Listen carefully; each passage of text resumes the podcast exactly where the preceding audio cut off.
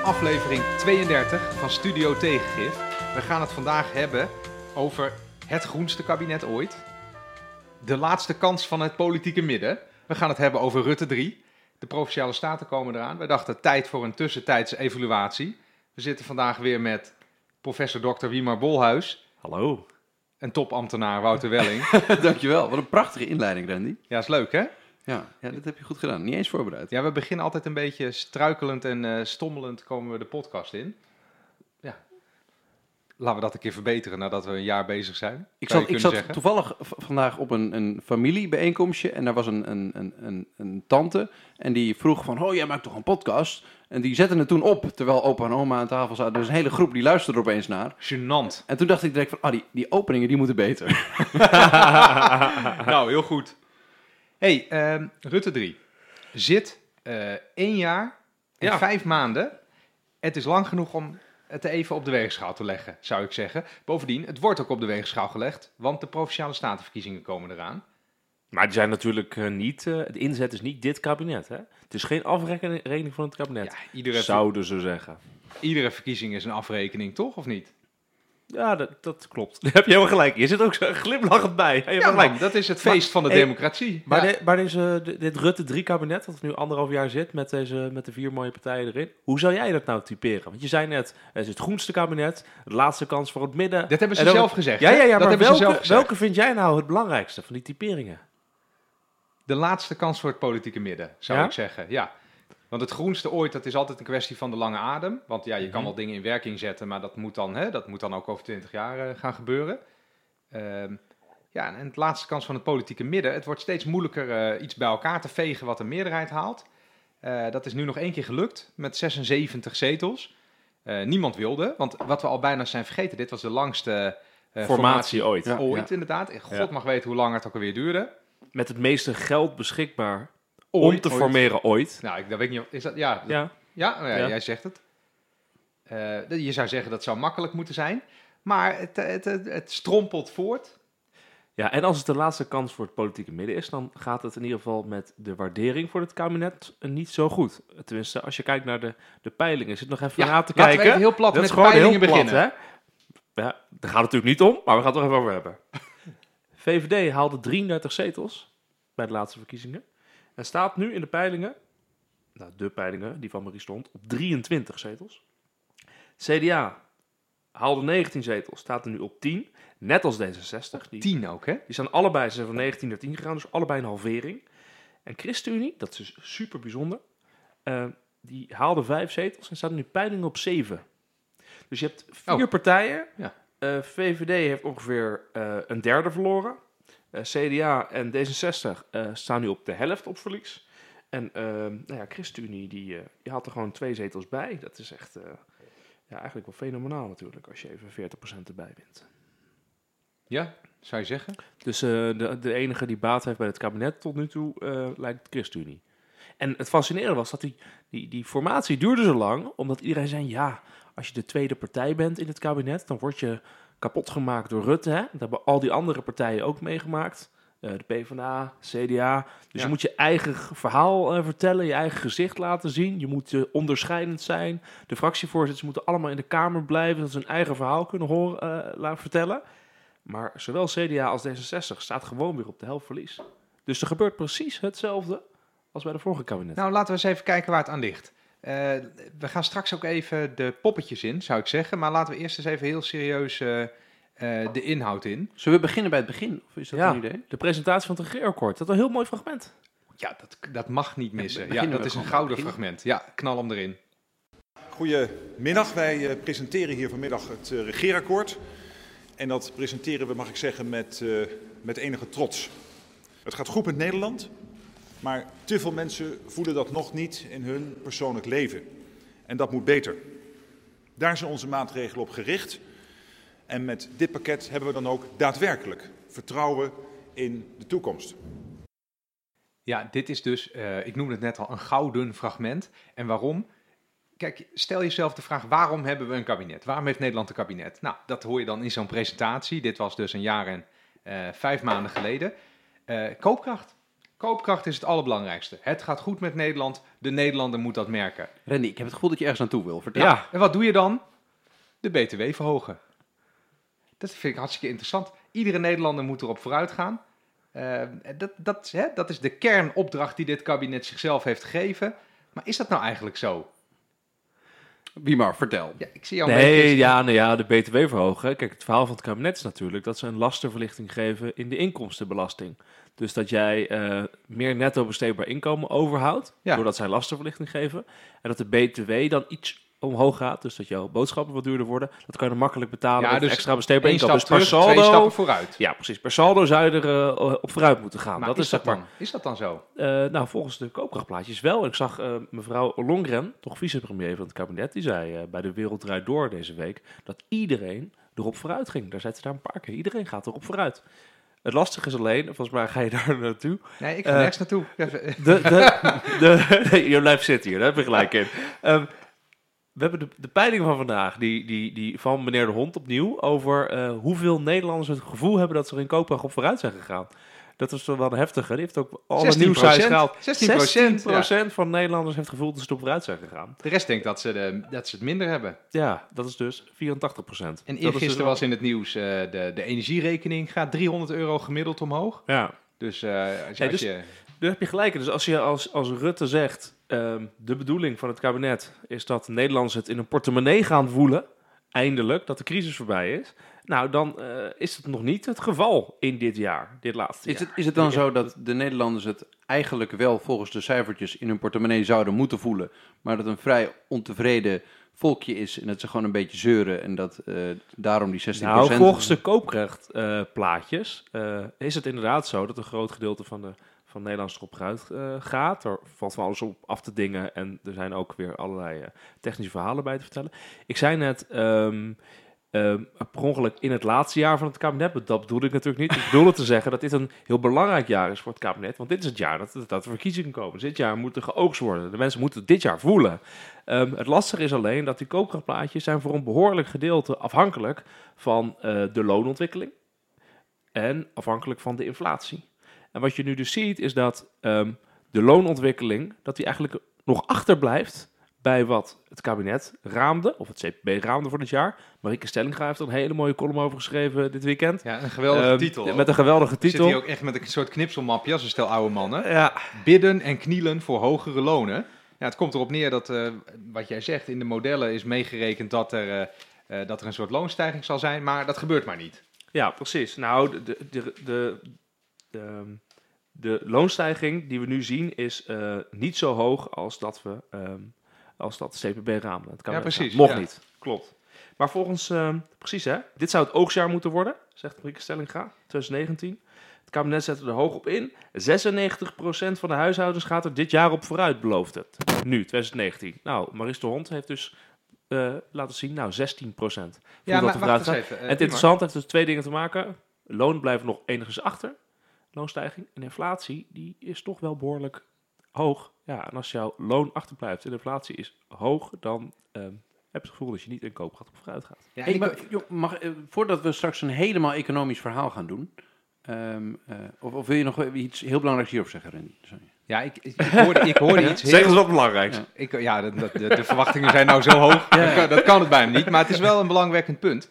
Ik hoorde een hooggeleerd iemand eh, laten zeggen, eh, ik wijs naar jou eh, Wiemar, dat als het kabinet zegt iedereen gaat erop vooruit, dan bedoelen ze iedereen gaat erop van, vooruit ten opzichte van het beleid wat al was ingezet.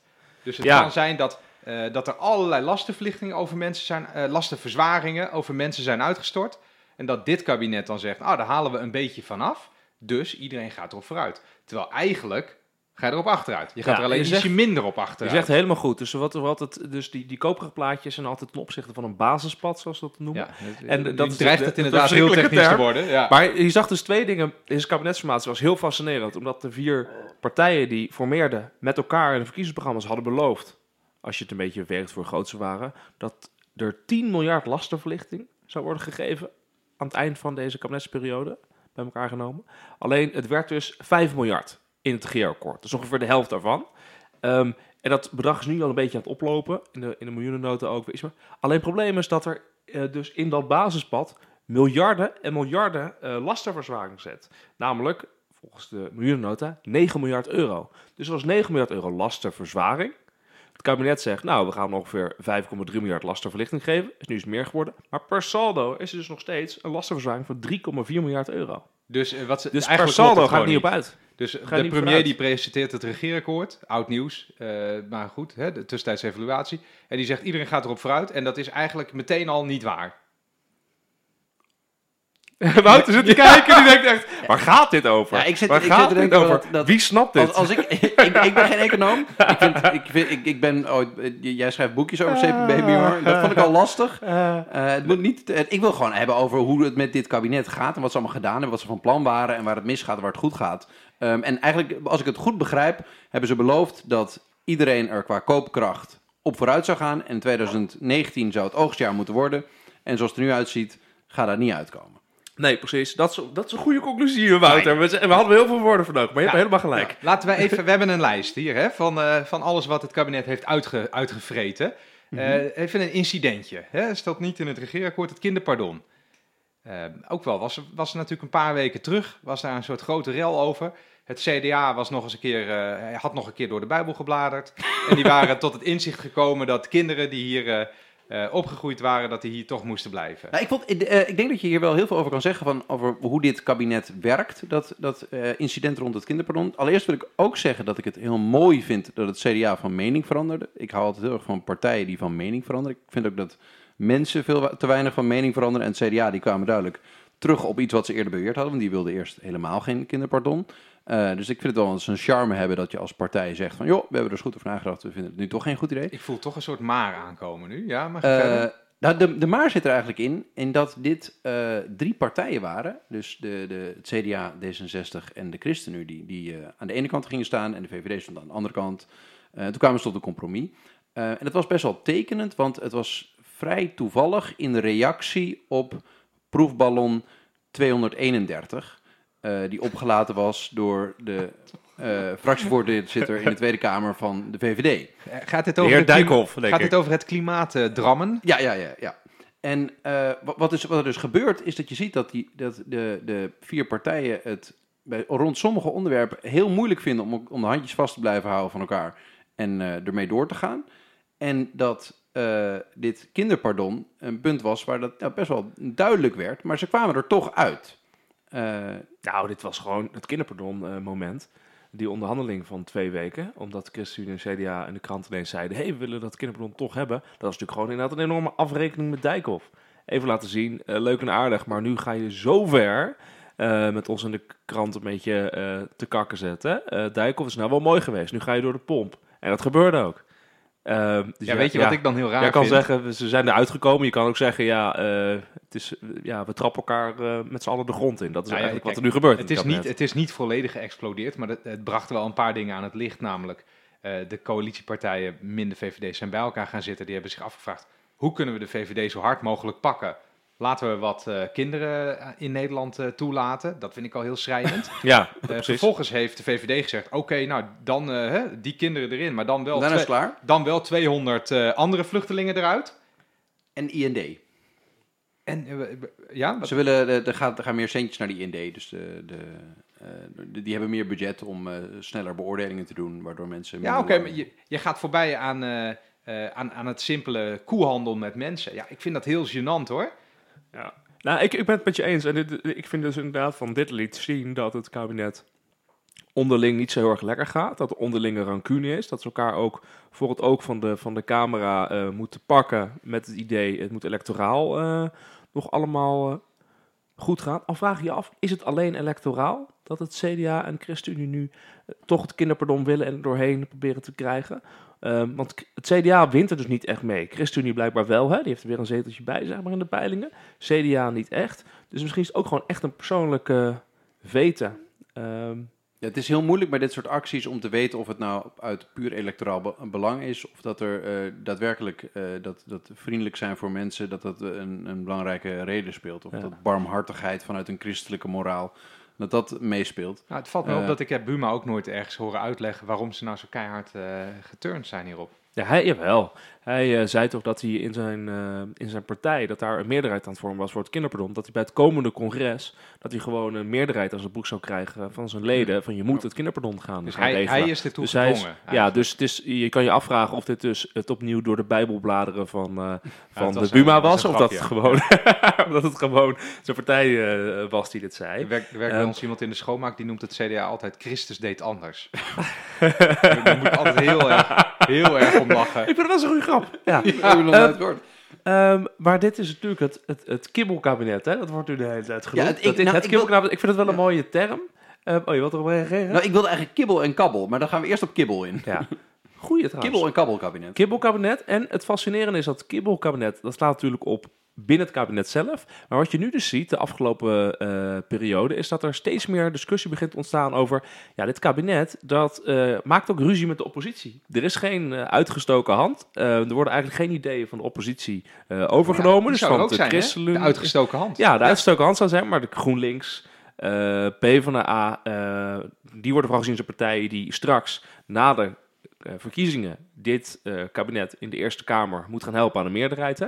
Eh, ja, die, die hebben eigenlijk nog geen eh, eh, uitgestoken hand gezien van het kabinet. En ik vind het wel grappig dat ook commentatoren daarover begint eh, te schrijven. Jos Heijmans, die nu bij RTL eh, politiek commentator is, die loopt al best wel een tijdje rond. En die maakt er ook eh, ja, nu echt een verschrikkelijke eh, afrekening met het kabinet. Van ja, dit is gewoon, eh, jullie gaan veel veel te ver. Eh, je zit een beetje te huilen, huilen. Ehm, dat eh, iedereen straks eh, een spelletje met jullie aan het spelen is, eh, hè, omdat jullie geen meerderheid meer hebben in de Eerste Kamer. Maar, doe even niet zo zielig, jullie hebben zelf al anderhalf jaar helemaal niks aan samenwerking gedaan. Ehm, dus het is interessant. Het kabinet kibbelt met zichzelf en kibbelt ook heel duidelijk met de oppositie. Ja, het zou kunnen dat dat, je hoort in de wandelgangen dat, dat er ook heel veel afstemming is binnen de coalitie over ieder klein puntje. Eh, terwijl vroeger was dat toch meer, eh, nou, als het, eh, echt op de hoofdpunten volgens mij, dat, dat steeds de fracties bij elkaar moesten gaan zitten van de coalitie. Ja, het, is, het, zit, het zit niet helemaal super. Misschien ehm, ehm, moeten we even nog een ander onderwerp erbij pakken, wat gewoon in de, de evaluatie een beetje verbreden. Want waar begon het nou allemaal mee? Ehm, de Het dividendbelasting. D-woord. Het grote D-woord, ja. Eh, dat werd, eh, het regeerakkoord werd gepresenteerd. Nou, wat mensen die, die bladerden het eens een beetje door, waaronder, waaronder wij, weet ik nog. Onze eerste aflevering ging over de dividendbelasting, waarbij we ook zeiden, hoe kan dit een totale, hè, eh, een weggevertje van eh, hoeveel miljard was Stond het in geen enkel verkiezingsprogramma. 1,6 miljard. Oh ja, stond in geen enkel verkiezingsprogramma. Eindeloos veel gezeik over gehad. Maandenlang. Iedereen werd door de modder gesleurd. Toen zijn ze toch door de pomp gegaan. Toen, eh, toen Unilever een sms'je stuurde van... Hé hey Mark, eh, we, we gaan eh, toch niet eh, naar eh, Nederland Er loopt daar nog steeds een WOP-verzoek op, hè? Dat, eh, Op dat Op sms'je. het sms'je. Ik, wil, ik vind dat wel tof. Dat er dus een journalist is die gewoon tot de hoogste, hoogste Ik instantie doorgaat. Hij wil het sms'je zien van wauw. Polman aan Rutte. Maar het sms'je dus was gewist, zei de Rijksvoorlichtingsdienst, geloof ik, toch? Ja, maar je, ja, vraag gewoon de... Die, dat is natuurlijk ergens gewoon terug te halen. Nou, dingen kwijtraken, dat lukt wel hoor. Misschien Ja, ligt dat bij nee, VNJ maar je kan eh, toch, ergens, ja. Ik neem aan, wie is de, wie is de, de telecom... eh, telecom van de, van de Maar, maar laten we niet altijd, altijd Ga door, dit- ga door, ga door, ga door. dit- dit- dit, eh, Sorry, incident ingaan. dividendbelasting, Het ging over het grote ding, dividendbelasting, wat, wat dat eerste jaar eh, Zo begon het. de- Nou, domineerde. Dat was een slecht begin. Ehm, maar uiteindelijk, en dan moet ik toch even een compliment geven aan het kabinet. Eh, heel Nederland was daar tegen en iedereen stond echt te schuimbekken aan het, aan het hek te rammelen bij het, bij het torentje. Eh, en toen hebben ze de keutel ingetrokken. Maar wat hebben ze toen gedaan? Eh, toen hebben ze gewoon de, de winstbelasting, de vennootschapsbelasting, hebben ze verlaagd. Met ongeveer hetzelfde bedrag. Eh, dus via een andere omweg hebben ze het gewoon toch nog naar het bedrijfsleven kunnen, Nou, kunnen de, geven. De, de, de, het verlagen van de winstbelasting eh, is ongeveer 4 miljard. Dus dat is nog twee keer zoveel dan wat het afschaffen van dividendbelasting had uh, teweeg Ja, er komt dat integreerakkoord al ongeveer 2 miljard nog iets aan lastenverlichting Ja. eh, in zat. En dan kwam dat het bedrag van de, van de, VP, van de van dividendbelasting kwam er voor een gedeelte Ja. bovenop. dus ik toen bedoel, dat is- dit bedrag wat jij Voordat, voordat iedereen stond te schuimbekken van eh, en al dat geld gaat naar bedrijven en eh, moeten wij niet een keer wat krijgen. Toen hebben ze gezegd, oké, dan doen we het niet. En dan, hé, hey, maar we doen het toch, maar op een Ja. andere manier. Dat is eh, geruisloos Ja. voorbij gegaan. Ja, en alle, alle het Best gez- knap. Ik vind het wel. Dus, wat het kabinet dus wel doet, is dat gezeur kopen ze in die zin gewoon af. Hè? Dus eh, die expat-regeling die versoberd zou worden, nou, er is ook eh, wat vergoeding naartoe gegaan uit dit potje van de dividendbelasting. Dat, dat de expats minder eh, zeuren. eh, de loondispensatie die ingevoerd zou worden voor de arbeidsgehandicapten ten opzichte van de... Dat moet je echt even uit... subsidie. Wat- Oh, in ieder geval een verslechtering... Sorry. Je, hebt het al, ja. je legt het Man, uit alsof man, het man. buitenspel is. Oké, oké, oké. Ja. Ehm, de, het, Je weet het zelf ook niet. Jawel, ik weet het. Je, de, ehm, ehm, de arbeidsgehandicapten die onder participatiewet eh, aan de slag gaan bij eh, werkgevers. Ik ben gehandicapt, ik ga bij een gehandicapt, ga bij een werkgever werken, dan krijg je nu het minimumloon. En die werkgever krijgt jouw loonkostsubsidie. Dus op jouw totale loonkosten krijg je een subsidie. Kabinet zei, nou, dat is te duur, weet je wat. We gaan werkgevers ook toestaan dat ze onder het minimumloon kunnen betalen. Ah. Dat heet dan loondispensatie. Want je krijgt een dispensatie, je hoeft niet het hele loon te betalen. Ja, en die gehandicapten zouden geen pensioen meer En opbouwen. dus de gehandicapten zouden dan inderdaad eh, minder eh, pensioenrechten en dergelijke opbouwen. Dus dat was natuurlijk een hele rel dat je de, de, die, die, die eh Wajong, mevrouw Noortje de Lid, die heeft er enorme stennis over geschopt. Ehm, en het eind van de rit is het dus ingetrokken, dit, dit ja, maar dat is toch ook... Voor... En dus, en dus maar dat doen terecht. ze. Ja, voorkomen terecht. Dus dit hebben ze eh, ingetrokken. De expat-regeling eh, ingetrokken. Dividendbelasting ingetrokken. Ehm, allemaal van die moeilijke dossiers. Ze zouden Ja. ook nog een, een hervorming doen van de, van de, van de WIA, dus van de eh arbeidsongeschiktheidswet. Eh, ze zouden het ook versoberen. ECF-com is ook ingetrokken. Dus al die moeilijke dossiers, die worden gewoon... Ja, eh, en vooral Koolmeesters die is lekker bezig met intrekken. Want er- ik kan me herinneren dat, eh, dat er ook nog een minimumtarief voor ZZP'ers zou komen. Daar heb ik ook nooit meer wat van gehoord. ja, dat is niet ingetrokken, maar dat is, het wetsvoorstel is nog niet naar de Kamer toe. Nee, Maar- maar, de, de regering gaat in, in maart, wat over eh, twee weken is, zijn meerderheid verliezen in de Eerste Kamer. Dus het moet ook wel eens een keer Ja, zo gaan je. gebeuren. Ja. Ja, ja. Ik vind het wel interessant om dat te bedenken. Wat wij, wij zeggen eigenlijk dat er op heel veel dossiers waarbij er grootse plannen waren, er, terwijl ze mee bezig waren, erachter kwamen van, joh, ja, dit wordt wel lastig. Er is niet heel veel maatschappelijke steun voor. In de Kamer ligt het ook wat lastig. Ja, allemaal Eh, bezuinigingen die, die, natuurlijk, en die gewoon heel En, maar vervelend ja, we, eh, we, we leven in een hoogconjunctuur. Het- het- we hebben geld zat, dus laat dan maar. Hè? Doe, Ja, doe het toch laat niet? dan maar. Ja, precies, laat dan maar. Doe, doe het toch niet? Dit is hè? nog jouw, eh, jouw kabbelen? Ja, dan, We gaan dan- gewoon, nou, eh, we ik- gaan ik- gewoon als je hebt door met de- kibbelen. En ik, ik denk dat, dat, dat kabbelen... We hebben ooit een keer bij het eerder gehad over de term vertrouwen in de toekomst. Eh, en dat, dat, Het motto van het, het, mo- het kabinet. motto van dit kabinet. Nee, de titel van het regeerakkoord. Eh, en ik denk dat dat... oh, je kan vertrouwen in de toekomst interpreteren als in van... Ah joh, kom wel goed. Kom wel goed. Ehm, Ja. En dat is ook een beetje waar voortkabbelen over kan gaan. Is dat je niet al te veel drastische maatregelen neemt. Want in principe als je een kabinet bent, dan word je aangesteld dat door het volk, omdat jouw probleemanalyse de meest plausibele was. En jij krijgt de meeste stemmen en je mag de problemen in het land gaan aanpakken, want je krijgt de macht. Eh, alleen, misschien waren er wel niet al te veel problemen die grondige aanpak nodig had. En de problemen die we wilden aanpakken, nou ja, daar, dat, dat blijkt ook niet zo heel nodig te zijn, want er is, er is, er is poen zat. Dus als je de vraag stelt, wat zijn nou de echt grote thema's eh, waar Rutte 3 over gaat? Dan zeg jij eigenlijk niks. Nou, het, het, gaat wel redelijk voort. Maar de- en ik geloof ook dat de, de gemiddelde Nederlander... Je hoort heel veel geluidjes over, over 100 gele hesjes... of over een paar mensen die, zoals gisteren... Het gebouw van de NOS bestormen... Omdat, omdat de NOS niet genoeg over de gele hesjes zou berichten. Dat was hilarisch. Ehm, maar de gemiddelde, de gemiddelde Nederlander... Die, die is niet heel erg ontevreden over zijn of haar leven... Eh, als je op de maan als mens zou staan en je zou naar de aarde moeten verhuizen en je was er nog nooit eerder geweest, ik vermoed dat Nederland een vrij goede keuze zou zijn. Eh, het, is, het, is, het is ook gewoon een, een, een prachtig plekje. Ten opzichte van de maan vind ik Nederland best een goede, best Nee, maar goede gewoon, keuze. gewoon alle landen op de wereld. En heel veel van die maatregelen die blijken dan toch heel lastig zijn, omdat we best wel een conservatief volkje zijn die nou, verandering ook niet zo heel prettig Nou, we willen best verandering, maar niet als het hoogconjunctuur is en er is Ja, geld te besteden. Dan willen we helemaal geen bezuinigingen. Dus je hebt gelijk, dit is een beetje... Ik vind op zelf het kibbel- en kabbelkabinet vind ik dit best een goede term. Want eigenlijk eh, ja, is het een beetje op de winkel passen. Er is maar één echt grote hervorming die wel gelukt is. Dat is namelijk enorme lastenverlichting voor het bedrijfsleven. Ik vermoed dat als je het kabinet zou Dat is wel, vragen- daar is gewoon brede overeenstemming over in de coalitie dat dat moest gebeuren. En voor de rest is het... oh, Nou, ik, ik denk dat eh, de gaskraan in Groningen dichtdraaien, Ja, dat hebt dat eh, werkelijk Gaskraan, ook wel een, maatregel is die... eh, heb je helemaal gelijk in. Ehm, en ik, ik, mag ik nog verder positief doen over dit kabinet, Randy? Ja, nee, Ja, want ik vind door. dat we ook wel even moeten noemen dat eh, als je kijkt naar het, het vorige kabinet, dat de aantallen bewindspersonen die aftraden, dat ging echt rap. Eh, eh, dat en dat, We hebben er maar eentje gehad. eh, nog ja, precies. We hebben alleen iemand die beweerde dat hij in, eh, bij Poetin in de kamer zat en die zat het niet. Eh, maar daarna is, is Dat was wel een mooie. dat was, wat, Dat was echt prachtig. genieten. Ja, Mooi, prachtsoop. Eh, maar daarna is het, ja, men zit vrij stevig op de stoeltjes. Ik denk Maar dat komt ook omdat het aantal ehm, ehm, minister- en bewindspersonen van staatssecretarisposten nu niet meer voor de helft door VVD'ers wordt gevuld, maar maar door een kwart. En dat komt omdat de VVD het ministerie van Veiligheid en Justitie niet meer in handen heeft. Ja, En dat scheelt ook vier bewindspersonen die aftreden. Ik denk kan je van uitgaan. Gewoon Ik een denk ook dat alle landmijnen die daar lagen, daar is nu al wel iemand op gestapt eh, inmiddels.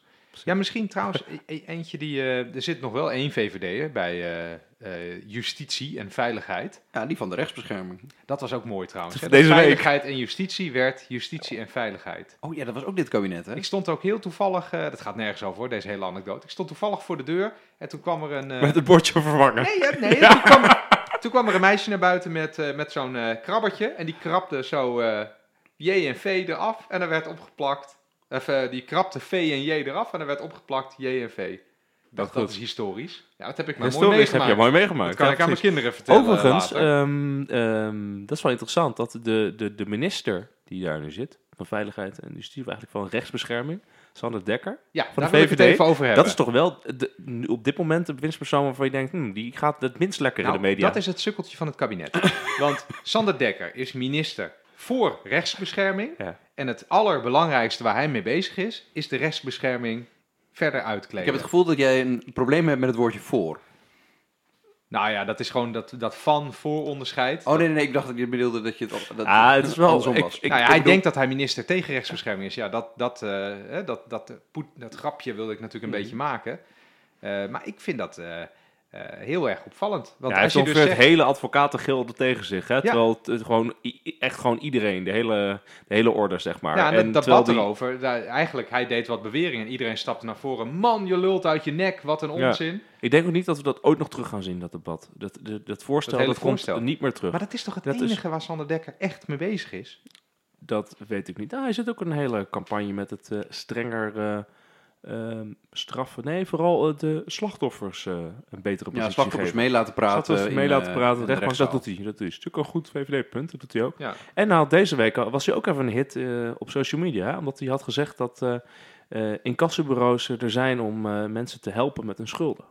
Heb je dat gezien? Vindt hij dat? is dat zo? Of moet dat zo worden? Want, eh, dat zei Ik hij. merk dat wij al Dat raar opkijken hij. van zo'n bewering. dat zei hij. En dat was, maar het was natuurlijk gewoon weer gefilmd. Dat was natuurlijk een, een kamerdebat. nee, maar en wacht- dat wacht online ging, ieder- ging Ja. dat helemaal los. Want iedereen zei, incassobureaus die helpen je om je schulden te betalen. Ja, sorry, dan- dan- je juist helemaal leeg. Dan je sta moet je juist zo- mensen beschermen. Dan sta je zo mijlenver van de realiteit als je zoiets kan ik zeggen. moet eerlijk zeggen dat er zag een, ik zat een, een ambtenaar naast. En die ambtenaar, Ja, die zat echt met haar ogen te rollen op het moment dat hij dat zei. ja. Eh, dat, dat is wel erg, als een, als een ambtenaar dat doet waar ze w- ja, en wacht, eh, die hadden wij niet eens in de lijst staan. Maar er was een of ander voorstel om mensen die in schulden zitten... ehm, een soort eh, iets hoger minimum inkomen ehm, te laten overhouden. Ja, Maar dat kan, dat kan niet. Dat, dat gaat weer niet door. Dat werd twee jaar uitgesteld nu. Wacht even, we moeten beter introduceren. Het kwam erop neer, mensen die dus in, eh in schuldsanering zitten en dergelijke, die houden zo weinig geld over, dat Ja. je er in redelijkheid niet van kan leven in Nederland. Nou, wat werd gezegd? Iedereen vond dat in Nederland. Eh, die mensen moeten iets meer geld overhouden, zodat ze er ook daadwerkelijk van kunnen leven. Nou, dat voorstel, dat zou het kabinet eh, doen. Maar dat, werd, dat wordt nu net twee jaar uitgesteld, want dat kan niet uitgevoerd worden. Ja de beslagvrije voet. Dus dat is Ja, dat precies. Ja, jij kent Ja. al die termen. Dat is toch handig dat we jou erbij hebben? Ja, dat, is, dat is een nieuw voorstel om de beslagvrije voet te berekenen. Waardoor inderdaad iedereen meer eh, zou overhouden. En je dus beter beschermd wordt tegen incassobureaus.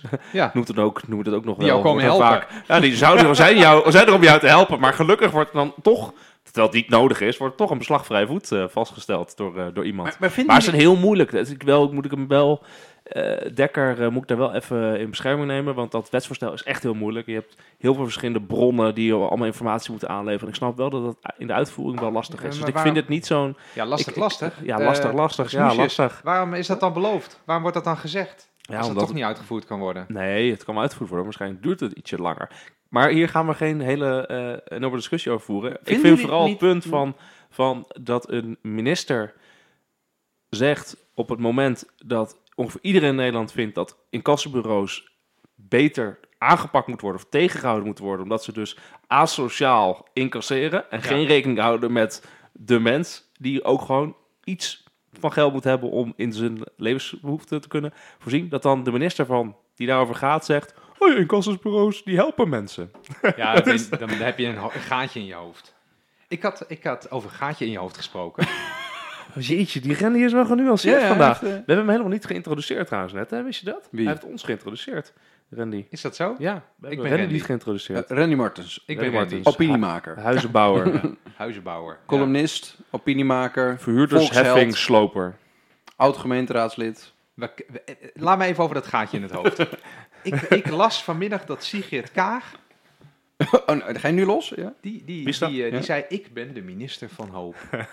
Oh, oh, wauw, ja. ja. Ja, ja geweldig. Nee, nee, nee, dat zei ze niet. Nu verdraaien de woorden. Ze zei, er zijn mensen die mij de minister van Hoop noemen. ja hallo. Ja, dat is een Ja, groot- dat is, dat dat is wel een groot verschil. Wie maar, er zijn mensen...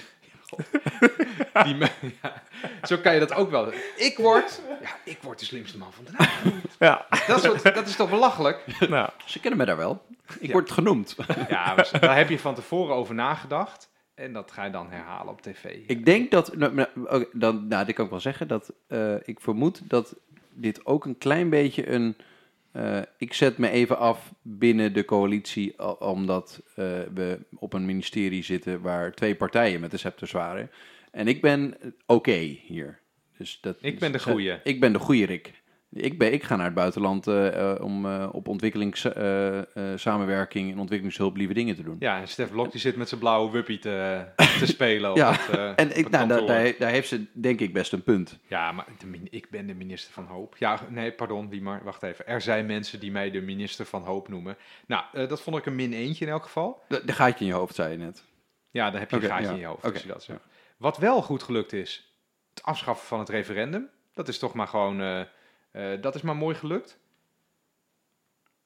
Ja, ja, iedereen ja, ik, wat wil ik, op, ik kan niet reageren. Je hebt gelijk. Ik, eh, gedaan. Kudos, goed gedaan. Het levert ook helemaal geen discussie op. Het was gewoon zo geregeld. Ja, en wat ik ook een heel interessant vind, is nu, eh, wa- wat, nu heel erg speelt, is dat, dus, dat eh, allerlei ministeries, die krijgen hun poen niet uitgegeven. Ja, daar moeten we misschien ook nog even over hebben. Dat is toch Want we zitten wel dus in de- fascinerend. De hè? hoge conjunctuur in dit land. En, en ja, alle economen zeggen van je moet nu investeren in zaken die zich eh, terugbetalen wanneer het weer wat slechter in de economie gaat. Dus, dus Ja. je moet investeren in onderwijs, je moet de lonen moeten omhoog. Infrastructuur. infrastructuur, gewoon dingen die op de langere termijn zorgen dat je land eh, eh, waarde kan blijven genereren. Ja. Eh, helikoptergeld, make it rain, maakt niet uit. Ehm, maar het lukt niet. Het lukt gewoon En we niet. krijgen het eh, Nee, niet Wopke. Hoekstra, die, die vertelde dat inderdaad afgelopen eh, jaar. Die zei, volgens mij was er, volgens mij was er 3,7 miljard euro overgebleven. Ja, dat is van echt de, een enorme vanaf bak geld. een enorme bak Ja. geld. Hè? Dat is echt... Dat is echt de, Hoe ja, werkt dat, Wiemar? Hoe, werkt, hoe kan er geld overblijven? Want als, stel, ik, Hoe ik dat denk kan, gewoon, dat is ja, gewoon- ik heb dat- gewoon een bankrekening, ik maak het gewoon over. Zou je, stel je bent gewoon een, een random Heb je nog nooit meegemaakt dat je, dat je geld niet uitgegeven kreeg? Maar in dit geval ging het gewoon van... Oké, er is een begroting gemaakt met miljarden die vooral moeten besteed worden aan infrastructuur. Dus nieuwe Wegen, wegen, sporen, sporen, bruggen. Ehm, en ehm, geld wat naar het ministerie van Defensie moest. Ehm, want nou, VVD, CDA, daar geld naar Defensie, veel bezuinigd. Dus eh, nieuwe kogels, Ja, nieuwe wapens, niet meer materiaal. We hoeven niet meer pang te roepen, nieuwe militairen. Alleen het lastige is dat als je wegen wil bouwen, en alles erop lijkt, dan heb je mensen nodig die die wegen kunnen bouwen. Dus mensen die bouwen. En het probleem is dat er nu zoveel gebouwd wordt, dat er geen mensen meer zijn om eh, jouw investeringen echt daadwerkelijk Oh, te bouwen. Ja. En hetzelfde geldt bij Defensie. Ja, je kan wel allerlei eh, investeringsplannen hebben, maar ja, je moet vervolgens eh, moet je ook mensen in dienst kunnen nemen. Er moeten mensen bij Defensie willen werken. Ehm, Ik de- denk ook dat dit de verklaring is. Materiëlen moeten geleverd kunnen worden. Maar ik En hoorde, blijft het geld dus gewoon staan. ik hoorde nog, in de ik las begroting nog een wordt ander soort, bijna een beetje complottheorie-achtig. Misschien kan jij daar wat over zeggen, Wiemer. Eh, een beetje complottheorie-achtige verklaring, namelijk... Er waren veertien oud-ministers geïnterviewd. eh, door Radio 1, geloof ik. Een fantastisch, eh, eh, een fantastisch artikel was dat. En die zeiden, ja, hè, een beetje huilerig artikel was het. De macht van eh, het ministerie van Financiën... en dan specifiek de directie Inspectie Rijksfinanciën... de macht van die lui die is zo groot... dat eh, eh, je, kan gewoon, je mag gewoon geen geld uitgeven van hun. Dus zelfs als het in staat, dan, dan zijn ze zo streng. Ja, het mag gewoon niet. dan denk ik, ja, dan heb je ook niet echt een hele stevige positie als minister. Maar het kwam erop neer, en de, en de regels waren wat aangescherpt of zo. Eh, het, geld uitgeven, dat lukt gewoon niet meer. Want er is iedere keer iemand eh, op het ministerie van Financiën die zegt dan... Ho, ho, eh, wat, wat gaan we doen met, met dat geld? Dat mag niet. Nou, dat heeft hier niet, volgens mij niet. ik snap het punt, maar volgens mij, die ministers, eh, die hebben het vooral over de periode dat ze minister waren. Toen was er waarschijnlijk crisis, economische crisis. De overheidsfinanciën waren niet op orde. En die wilden extra geld uitgeven. En zei financiën, ja, leuk en aardig, maar we hebben gewoon budgettaire kaders afgesproken. Dus je mag er niet overheen. Mhm. Maar nu gaat het over de situatie dat er geld gereserveerd is.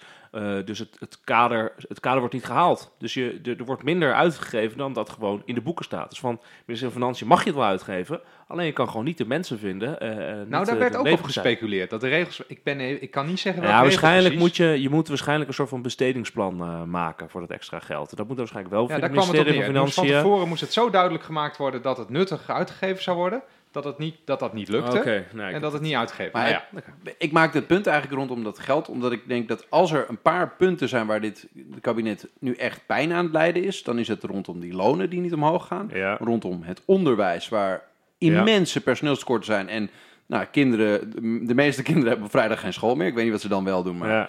eh, eh, en, en er zijn gewoon scholen die, die, nou ja, die vragen de conciërge of je misschien ook eh, wat Ja, dus in het onderwijs, zorg. En, en als, en als er was nog een ja, en het klimaat natuurlijk. Daar, dat is waar, waar in ieder geval iedereen verwacht dat er een flinke ja, soort duurzame wende eh, plaats gaat vinden. En daar heb je ook geld voor nodig. Maar als je dan hoort dat in de sectoren waar wel geld voor bes- bestemd is, dat daar het geld niet uitgegeven lijkt te kunnen worden, of dat het niet lukt, dan is het onwijs eh, ja, deprimerend voor die sectoren. En ik denk dat het olie op het vuur is voor mensen die, die pissig zijn dat in de sectoren waar dit eh, kabinet het schijnbaar wel wil, het de boel niet uitgegeven krijgt. Terwijl zij zitten te wachten tot er eens een flinke investering in hun sector plaatsvinden. Ja. wat ook wel interessant is om even te doen, is even te googlen op eh, leraartekort.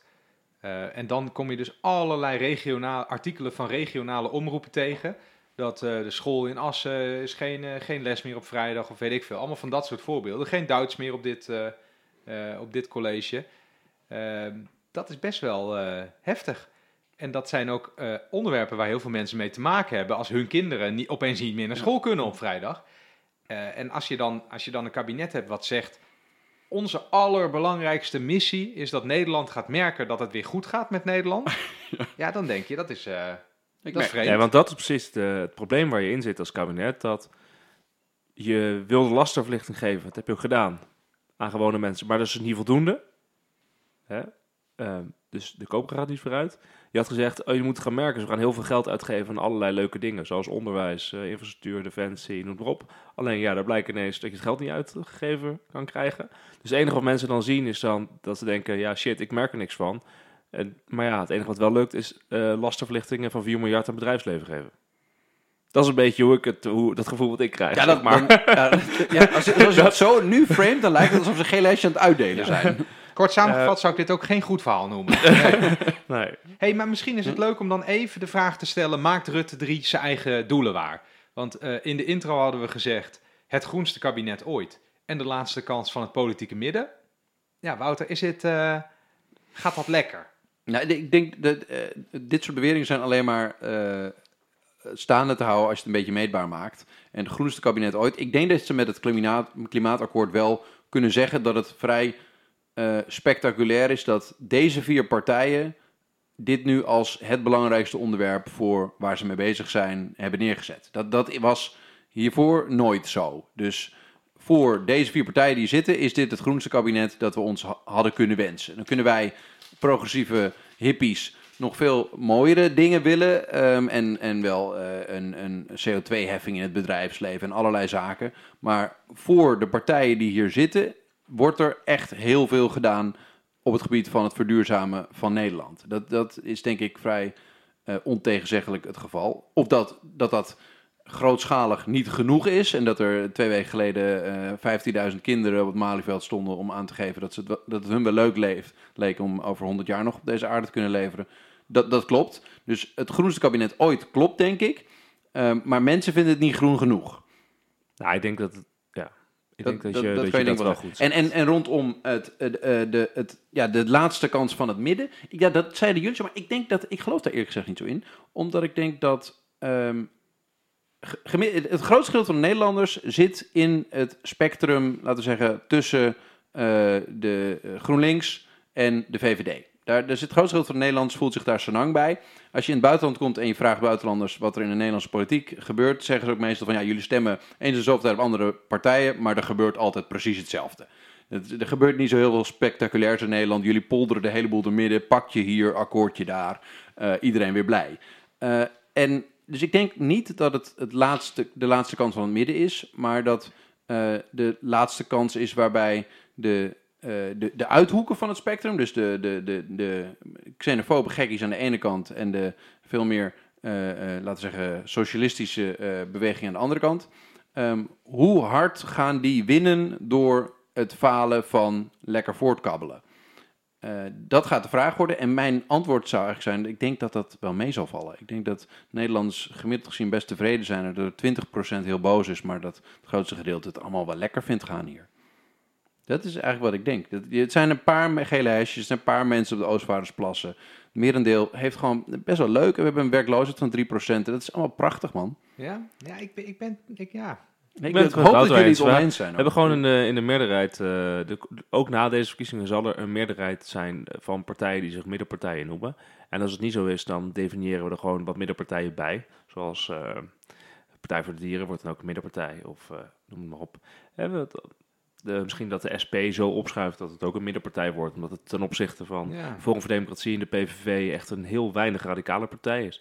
Dus, dus ik denk dat het allemaal meevalt. En dat gaat er niet onderdoor. Hè? En we Wij zijn altijd heel een nieuw een land kabinet. geweest dat we hebben, volgens mij de vorige periode hebben we heel erg de geluiden van de xenofobische uithoeken zitten incorporeren in het verhaal van het midden. Dus we zijn al een beetje gaan denken, oh ja, die lui die, eh, van de PVV en, eh, die krijgen wel heel veel aandacht. Moeten we misschien ook een beetje gaan Ook, roepen. ook dat een we- beetje streng doen tegen... ja, een beetje Europa wat stommer vinden. En, eh, en, en nu zie je dat, dat verhaal van aan de andere kant van het spectrum over... jongens, die, de, de, de, de aarde gaat naar de ellende, we moeten die gaan redden. Dat, dat begint nu het midden in te stromen. En dat vindt nu iedereen. Eh, en dat, dat is eigenlijk, ja, dat, het klinkt heel saai, maar dat is eigenlijk heel mooi aan Nederland. Dat we de hele tijd al die gekkies aan de, aan de eh, buitenkant van het spectrum naar binnen halen. En dan gaan doen eh, wat, eh, wat iedereen wel oké vindt. Ja, ben ik met Wouter eens. Ik denk ook dat dit kabinet is het kabinet ooit, maar dan vooral als het gaat om de plannen Ja, we moeten die er zien. liggen. Dus Ja. de, de uitvoering eh, Ja, nog niet. Goed want om dat te moet zeggen, nog er is ook nog geen eh, klimaatakkoord. Nee, is een soort voorstel. ja, zo. precies. Maar dit kabinet is natuurlijk wel enorm aan het eh, vooruitwerken op een, eigenlijk op een volgende regering, een volgende formatie, waarin het eh, klimaatakkoord eh, dan echt een grote plek moet gaan krijgen. Dat is mijn gevoel.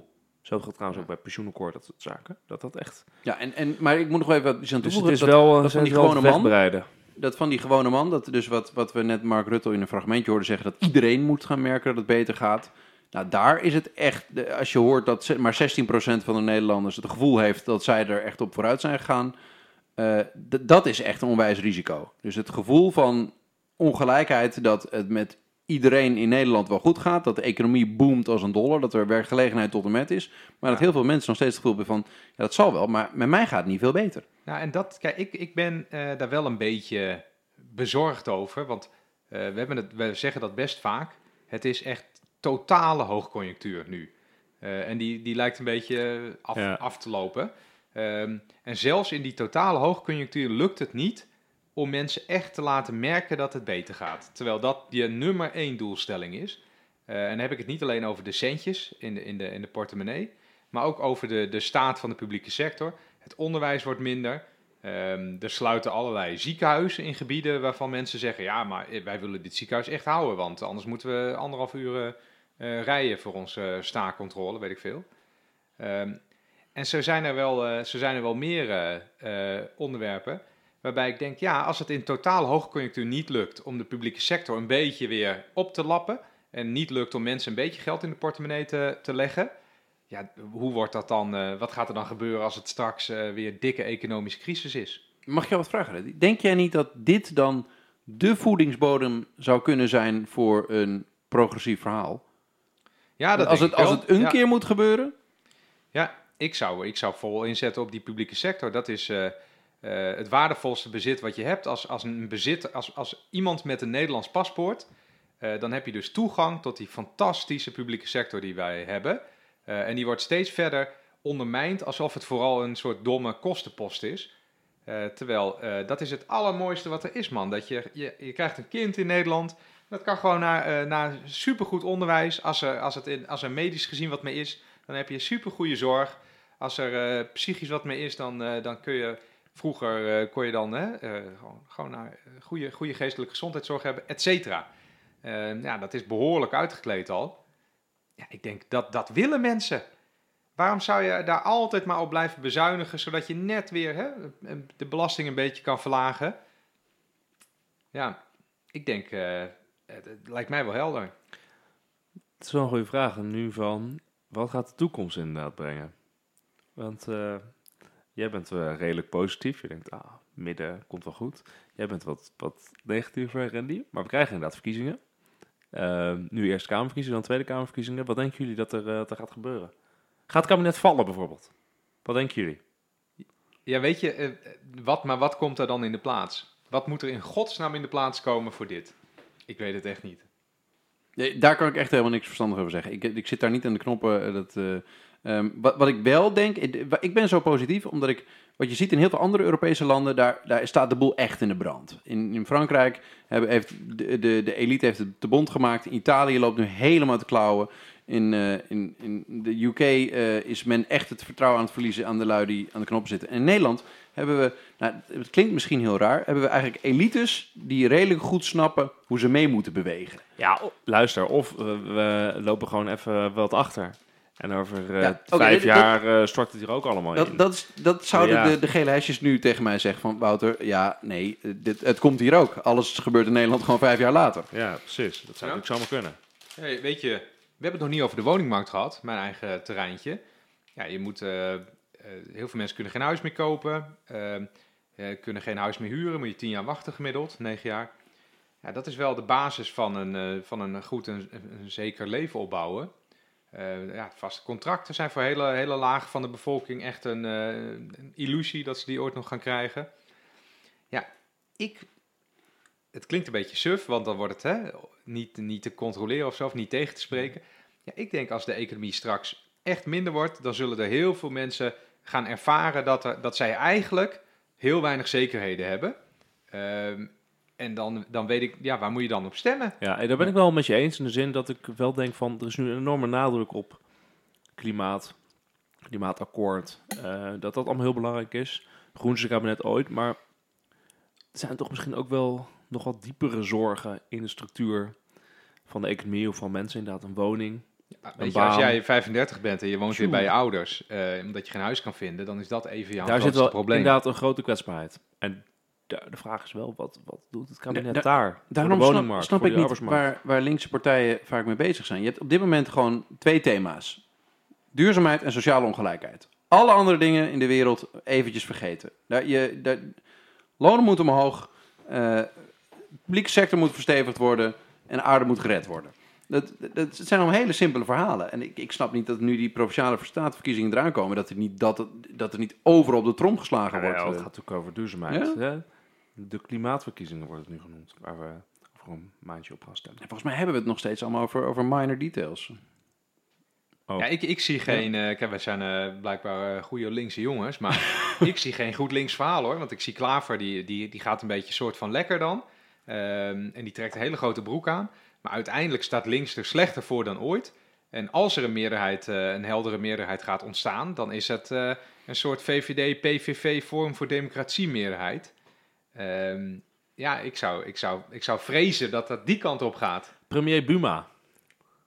Gaat dat dan worden? Nou, dat is eh, wel, wel een interessante Of gaat Rutte gedachte. door? Ja, ja. Ja, want ja, ik wil Rutte er even is over hebben nog. keihard aan het solliciteren Ja, natuurlijk. hè? ja. Iedereen die draait daar een beetje omheen. Nou, die, die, de stel die vertrekt. Maar gaat hij gewoon maar weglopen? Straks ergens na de zomer, als de Europese verkiezingen zijn geweest en de, de commissie is ge- gemaakt en allemaal. Nou, weet je wat het is? In maart heb je dus die provinciale staten. Hm. Eh, de, de, de hele, hele situatie is zo fragiel.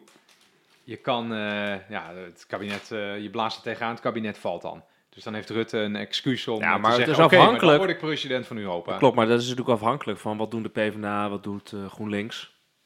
Die twee partijen, daar, daar, daar, nu dit, eh, dit kabinet op. Hè? Dus die zegt van, dit is eigenlijk onze meest geliefde oppositie. Behalve dat er nog helemaal geen uitgestoken hand is en er vrij weinig wordt gegeven aan PvdA en GroenLinks. Maar na, 1, eh, of na maart, na de verkiezingen, kan het natuurlijk helemaal anders zijn. Want we hebben een klimaatakkoord en misschien moet nog iets met pensioenen. En misschien moet er toch nog iets met die woningmarkt. En misschien moet... Dan zijn ze natuurlijk meteen in beeld. Nou, het, Ja. Wimmer, jij begon deze podcast met het voorlezen van de peiling op dit moment. En eigenlijk is het voordeel van de meeste partijen dat die andere partijen ook fix in de min staan in de peilingen.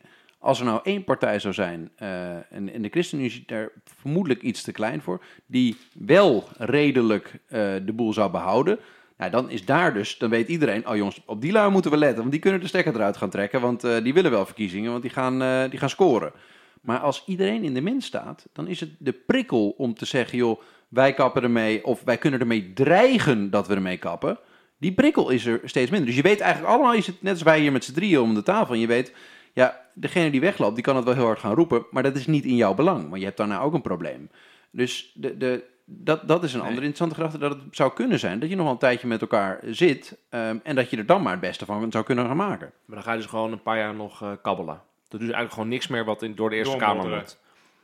Dat is dan eigenlijk Ja, het, dat, hè, dat, dat is de enige manier door te gaan. Ja, of je probeert dat gewoon een beetje door de Eerste Kamer te duwen Ja. en dan af en toe lukt dat en af en toe lukt dat niet. Dat zou Nee, zo nou, kunnen. Maar ja, als Rutte weggaat, dan is het natuurlijk uh, dan valt het kabinet. Jij zei net eh premier Buma. Wat, eh, wat ik een hele spannende zou vinden, is dat ehm, in, in het- de vorige verkiezingsperiode zijn er best wel wat commentaren geweest op het CDA. Dat ze een eh, redelijk bewogen in die ehm, ja, semi-nationalistische of eh, ja, de goede Ja. rentmeesterschap voor Nederland noemden ze dat dan. Maar het ging in ieder geval richting, eh, we gaan ook een klein beetje xenofoob doen af en toe. Eh, er zijn best wel veel mensen op de PV gaan stemmen en misschien moeten er een paar daarvan ook bij ons blijven. Wat spannend zou zijn, is dat het CDA daar een soort van... Het schijnt dus dat de achterban van het CDA veel ehm, eh, behoudender is geweest daarin dan wat de, de politieke boodschap is geweest. Maar wat ja, nou... Buma wordt als te rechts gezien. Maar da- dat is nu ook wat Nee, er maar- gebeurt. Een soort wat- correctie. Ze gaan nu... Dat kinderpardon eh, hebben ze nu Ja. gedaan. Ze gaan Ze- eh, meer sociale eh, woningmarkt, extra geld voor Maar als dat- armoede. Ik, ik, ik wil eigenlijk even naar mijn punt. En Ja, het punt is, het punt. dat, wat als ze dat nou op, op duurzaamheid gaan inzetten? Wat als Het CDA. Ja, het CDA die groen dus in hun kleur dat hebben... CDA gaat dus op een bepaald moment voor de CO2-heffing zijn. ja, Op een bepaald moment denk ik wel. Dan gaan we, Ja. Ze moeten zich onderscheiden van de VVD. Dus Ja. zij moeten gaan zeggen van oké, eh, we vinden natuurlijk dat, eh, dat gewone huishoudens niet te veel moeten betalen. Natuurlijk zijn we voor het bedrijfsleven, maar CO2-heffing, wij zijn er toch uiteindelijk eh, wel voor, want we moeten echt wat. En we zullen een hele mooie, beetje goed aangepaste CO2-heffing hebben, zodat de grote industrie niet al te veel last van heeft. Maar ze gaan wel iets doen waardoor ze je- je er socialer niet worden gezien door de omheen. VVD. Als je de hele tijd roept van burgers mogen niet de rekening volledig voor hun kiezen krijgen, dan moet je een deel van die rekening naar het bedrijfsleven toe gaan eh, schuiven. Maar dat is wel heel lastig met Buma ehm, als, eh, als aanvoerder. Want Buma is natuurlijk enorm... eh, zie je dan alternatieven? Ik heb hier een keer gezegd dat ik denk dat Hoekstra bij de volgende verkiezingen lijsttrekker, volgende Tweede Kamerverkiezingen lijsttrekker van het CDA wordt. Tel steeds dat dat kan, Hoekstra. Het, het scheen dat het een mooi teken was dat hij bij het vorige partijcongres van het CDA op het podium eh, eh, geïnterviewd was. Of een, een, een, een praatje deed. Ja, maar hij is ook gewoon minister van Financiën. Hij is een, hij is Ja, een dat is echt, en die, zware die, zijn altijd populair. Ja. Hij is wel voor een minister van Financiën, is hij wel relatief heel weinig populair. Valt mij op. Ja, En hij, het- hij heeft ook af en toe wat kleine schandaaltjes. Hè. Hij had, eh, eh, de toezichthouder de Nederlandse bank eh, had, had hij wat eh, voorgeschreven hoe zij moesten reageren op een of ander witwasschandaal bij. ING. Er zijn toch wat kleine smetjes. Ja, en we hebben het nog steeds over een partij die op 10 zetels staat in de peilingen. Hè? Dat vind ik ook fascinerend. Het schijnt dat eh, ehm, Buma, die heeft eh, toen eh, de Partij van de Arbeid de verkiezingen verloren en negen zetels haalde, had, heeft Buma tegen Asje gezegd, joh, je moet gewoon blijven doen alsof je een grote partij bent. En dan gaan anderen dat ook doen alsof en gewoon doorgaan. En dat doen ze ook heel goed bij het CDA. Het CDA doet net alsof, alsof ze nog 40 zetels hebben. Ze hebben 19 zetels en ze staan op 10. 10. Het gaat nergens Ja, over. ja.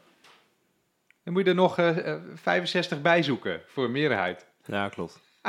klopt. Dan kan iedereen premier worden, eigenlijk. Premier Dijkhoff? Ja, ik Denk dat heel, je blijft zo lang Dijkhoff, stil. Dijkhoff heeft heel veel vijanden gemaakt, denk ik, in Den Haag. ja. En ja, met die proefballonnetjes, weet ik veel, criminaliteit in achterstandswijken harder bestraffen, verbieden van demonstraties bij Sinterklaas. eh, eh, je hebt, je hebt, je hebt de al die proefballonnetjes, eh, het klimaatakkoord eh, eh, aan tafel zitten en daarna zeggen dat je toch niet helemaal jouw plan was. Ik denk dat hij echt veel mensen te hard tegen de schenen heeft geschopt. Eh, en uiteindelijk, eh, als je minister-president wordt, dan moet je met heel veel mensen sa- innig samenwerken. ja. Het is En- geen Rutte, het is geen sympathieke Ja. man. Precies, en Rutte die heeft de, de, de onwijze kracht dat, dat, dat hij keihard kan zeggen wat hij vindt, maar dat, dat, hij, dat er weinig mensen zijn die hem echt een lul vinden. Ja. Is mijn eh, bescheiden eh, interpretatie. En dat, dat is een Eens, onwijs Ja, handige eens. eigenschap als leider. Dat, Ja. dus, dat je dus hele moeilijke dingen kan zeggen, hele eh, knetterharde vergaderingen kan, eh, kan voorzitten, maar dat aan het einde niemand jou een lul vindt. Dat ja, is- klopt. dat Ik denk dus echt, eh, er komt een soort implosie van de VVD op het moment dat Rutte eh, zegt, ik stop ermee. Ja. Partij die halveert gewoon, bam. Ik, ik sprak laatst met... Waar gaan die mensen naartoe? Dat- ik- Ja, die eh, dat nieuw op VVD Of stemmen. naar nu al- CDA, die- die- of naar ja, Volk weet en je, Democratie. 32 zetels. Weet je, Ja, daarom, ik denk dus echt dat als het CDA, als, als Rutte stopt, dan gaan echt heel veel eh, VVD-stemmers die denken, ja, Dijkhoff, ja, ik weet het niet hoor. En op het moment dat ze dan bij bijvoorbeeld het CDA een eh, stabiele eh, persoon hebben, die ze dus nou, al een paar jaar minister van Financiën is geweest, of een paar jaar minister van, Ja, van VWS, en op rennen af. ze er gewoon, gewoon op af van, nou, ja, dat is stabiel, dat is goed, laten we dat maar doen. En Maar het ik zie ze ook wel Buma afrennen hoor, even goed. Ja, Waarom niet? Toch? Ja, maar Dijkhoff, nee, ik zie het ook niet. Hebben we te lang geluld alweer? ja. Ja, we- eh, Wouter die probeert hier een... eh, dat is een goede... Mooi gebaartje, hè? Een goed gebaar. Je maakt Ja. een soort, een soort rondje. cirkeltje. Wrap it up. Dat- Ja, dat betekent afronden. het is ik wil het nog wel over één ding hebben. Heel Randy, kort, tuurlijk, heel ja. kort. Dijkhoff, het is ook een jonge vent, hè? Eh, de- en hij straalt misschien ook wel uit van, eh, ben ik hier wel helemaal klaar voor? Ehm, en dat, dat valt mij nu wel heel erg op in Den Haag. Heel veel fractievoorzitters zijn eh, iets van eh, in de dertig. Mhm. Eh, en dan denk je, nou, wat fantastisch, hè? Allemaal frisse en jonge mensen. Maar er is ook een soort element van onvolwassenheid Ja, daar ben ik helemaal met je eens. Ik ingekomen. denk ook dat de, dat de volgende Ik verkiezingen... denk dat jij gewoon ouder bent geworden, Randy. Nee, nee, nee. Ik denk dat de volgende verkiezingen... eh, Nee, nee, nee, die Wouter. Hebben, die hebben... eh, die hebben het inzet van de volgende verkiezingen wordt gewoon... Wie, eh, wie is de premier? Ja. Als Rutte stopt, wie Heeft is de iemand premier? een goede kandidaat? Wie heeft, wie is er, wie, dat is de enige vraag die er komt. Niet een Ja. inhoudelijk programma. Gewoon, wie Ik- is de premierskandidaat? Ik denk dat je 100% gelijk hebt. Ja, als jij met een beetje een soort goede, eh, wat, wat volwassen, wijze oude man of vrouw eh, op de proppen kan komen, dat daar heel veel mensen op af zouden kunnen trekken. Dus in die zin hebben dan Buma en bijvoorbeeld ook Asscher hebben dan aardige kaarten. Ja. Ik heb laatst het boekje van eh, over wijze oude mannen gesproken van Herman Tjenk Willink gelezen. Mhm. Groter denken, kleiner doen. En Ja, het, gaat ja, dus, ja. het gaat dus over hoe de publieke sector in Nederland eigenlijk uitgehold is. En hoe eh, eh, eh, mensen geen verantwoordelijkheid nemen voor hoe het, eh, hoe het er echt voor staat. Mijn, mijn korte samenvatting daarvan. En toen dacht ik, man, wat is dat toch heerlijk. Gewoon iemand die er echt verstand van heeft. Die een soort doorleefde visie heeft op hoe dingen gaan. Eh, en als ik dan nu kijk naar, allemaal prima mensen, hè, maar als ik kijk naar Klaver en die dochter van Jan Marijnissen. En ehm eh, Kla- ik ben haar naam heet. Lilian. Lilian, Lilian Marijnissen. Marijnissen heet zij. En eh, Klaas Dijkhoff, dan denk ik, jongens, had, hè, wat was het toch mooi geweest als jullie nog vijf of tien jaar de tijd hadden gehad om jullie maatschappijvisie te kunnen laten rijpen. ehm, en om dan eh, met die ervaring dit te mogen doen. Want stel voor dat, dat het helemaal misloopt met de brexit en, en, en, en we komen in een grote crisis en niemand weet wat te doen. Zoals in, zoals in Groot-Brittannië ook niet weten wat ze moeten doen. Mhm. Ja, dan zitten er allemaal mensen met heel, heel weinig eh, eh, visie en ervaring aan de knoppen. Ja, ik, ik, eh, de- Is Ik dit geloof stilte, is dit een stilte van ik zit, instemming? ja, je hebt, je hebt, ik, ik twijfel erg. Ik, denk, ik denk ja. namelijk ook dat jij inderdaad, zoals ik net zei, ouder bent geworden en meer van de wereld snapt en daardoor eh, steeds minder opkijkt tegen de, grote geesten de der aarde. Ehm, maar ook dat wat gebeurd is, is de politiek is onwijs eh, toegankelijk geworden. Dus mensen, zo'n Herman Cenk Willink, die zou nooit minister-president worden. Want die, die, die, wij vinden die man misschien eh, prachtig praten. Ik, ik heb, hoorde laatst een podcast hem. Toen dacht ik ook van ja, god, als er iemand is die het begrijpt, dan is het die man wel. Ehm, maar ik denk dat het grootste gedeelte van de mensen die, eh, eh, heeft er helemaal geen boodschap aan. Die wil gewoon dat, dat, dat zijn inkomen een beetje stijgt. En dat, eh, Ik weet het dat, ik, dat, dat, hij, dat hij een beetje Netflix kan kijken. Je hebt toch het verlangen naar een soort leider waarbij je denkt, oh, daar heb ik wel vertrouwen in. Misschien komt er een politicus uit de oude doos die dan weer op het podium op wordt gezet. Net zoals de dinosaurussen nu weer voor de Eerste Kamer op de lijst staan. Dat er zoiets gebeurt, maar dan met het idee van, we willen toch een Hey, maar wie- ervaren... Wie, is jouw, eh, wie zou nou een gedroomde premierskandidaat zijn? Kijk, stel je voor dat, eh, dat Van der Laan nou nog had geleefd. Zo iemand met zoveel gezag en charisma. Ja. Eh, heel, vooral heel veel, hoe zeg je dat? Komt over als iemand die over dingen heeft nagedacht. Dat mis ik dus soms een beetje. Ja, maar wie... eh, wie Ik was dit weekend bij familie. En daar zei eh, iemand... ehm, oh, ik hoorde laatst een, eh, een interview met Wouter Bos. En ik wou dat hij terugkwam. ja, dat hoor ik ook mensen wel zeggen. En Abu Talib natuurlijk, hè, dat mensen zeggen, Abu Talib moet... eh, Ja, dat is, eh, ik weet niet of Nederland weer op een P van de A eh, zit te wachten. Maar ik vond zijn- dat de meerderheid van de mensen daar totaal niet op zitten wachten. Nee, dat Ja. klopt. Ik weet, niet- nee, daar ben ik met je eens. Maar, Maar ik ja. zoek even naar doorleefde, wijze mensen die niet bij de PvdA zitten. Ja, Abu Talib is wel een, hoe zeg je dat, een cultureel conservatieve, behoorlijk rechtse PvdA. Dus daarmee Ja. zit je heel, heel centraal in de, in de Nederlandse politiek, denk Daarom. ik. Ja, we bedoel meer van nu van de, van de burgemeesters. Ja, eh, wie, wie, ja. Femke Halsema. Femke Halsema. Ik voel hem Krikken. Krikken. Paulien Nee, dat gaat ook niet worden Nee. hoor. Krikken. Zie ik ook niet Straks voor brandt ze Nederland af. Ja, verder. Wie heb je verder? Mensen, oud-ministers. Misschien moeten we een oproep doen aan de Rogier van Bokstel. Maar- dat zo'n mooi doorgeleefde kop hebben. Nu bij de NS zit. Ja, maar dat, dat, dat... Ik weet, ik kan niet zeggen waarom, maar dat kan ik ook niet serieus nemen. Nee, Nee, ja, dat ik zie ik gewoon niet voor me. Dat, is- ja, ik, je Nee, ik moet zie het ook niet voor je me, moet maar het je- voelen, hè? Ja, ja. Ik voel, dat voel ik gewoon niet. Nou, hier gaan dus de volgende verkiezingen over. Dat is het. Ja. Dat, dat Ja. gaat gebeuren. precies. Ja. Een uur, jongens. Ik hoop dat mensen luisteren. Ik denk het wel. Ik weet het niet. Ja, en anders eh, stop je er toch gewoon mee? Ja. Ja, het is een podcast. Je mag zelf bepalen of je luistert of niet en wanneer. Toch? Ja, ik luister heel veel hele lange podcasts. Ja, ik word zo, heerlijk. ik word trouwens zo moe van iedereen die nu een podcast begint. Elk zichzelf serieus nemen. Dat is mooi dat wij voor op de hype waren. Ja, nou ja. Nee, maar weet je, het zijn je allemaal van die commerciële productjes. Dan zit, dan zit je bij, bij een of ander krantje en dan moet, er- dan moet er ook bij ieder, iedere rubriek heeft zijn eigen podcast. Weet je, het is ook een manier om je te profileren als journalist, denk ik. Gelukkig zijn wij authentiek tot en met. Echt. Wel voorbereid, ingelezen, al die dingen. Ja, goed ingevoerd. Niet voor het geld. Heel commercieel Goed bedrijf. ingevoerd. Objectief. Oké jongens, we gaan Gaan over, het ja. gaatje. we gaan over op de borrel. Verlos ons uit ons lijden. Oké, nou, da- bedankt voor het luisteren. Het was, eh, Eh, laat weten wie jij denkt dat de volgende eh premierskandidaat wordt. En eh, we horen het wel. Goed afsluiten. Lijkt me uitstekend.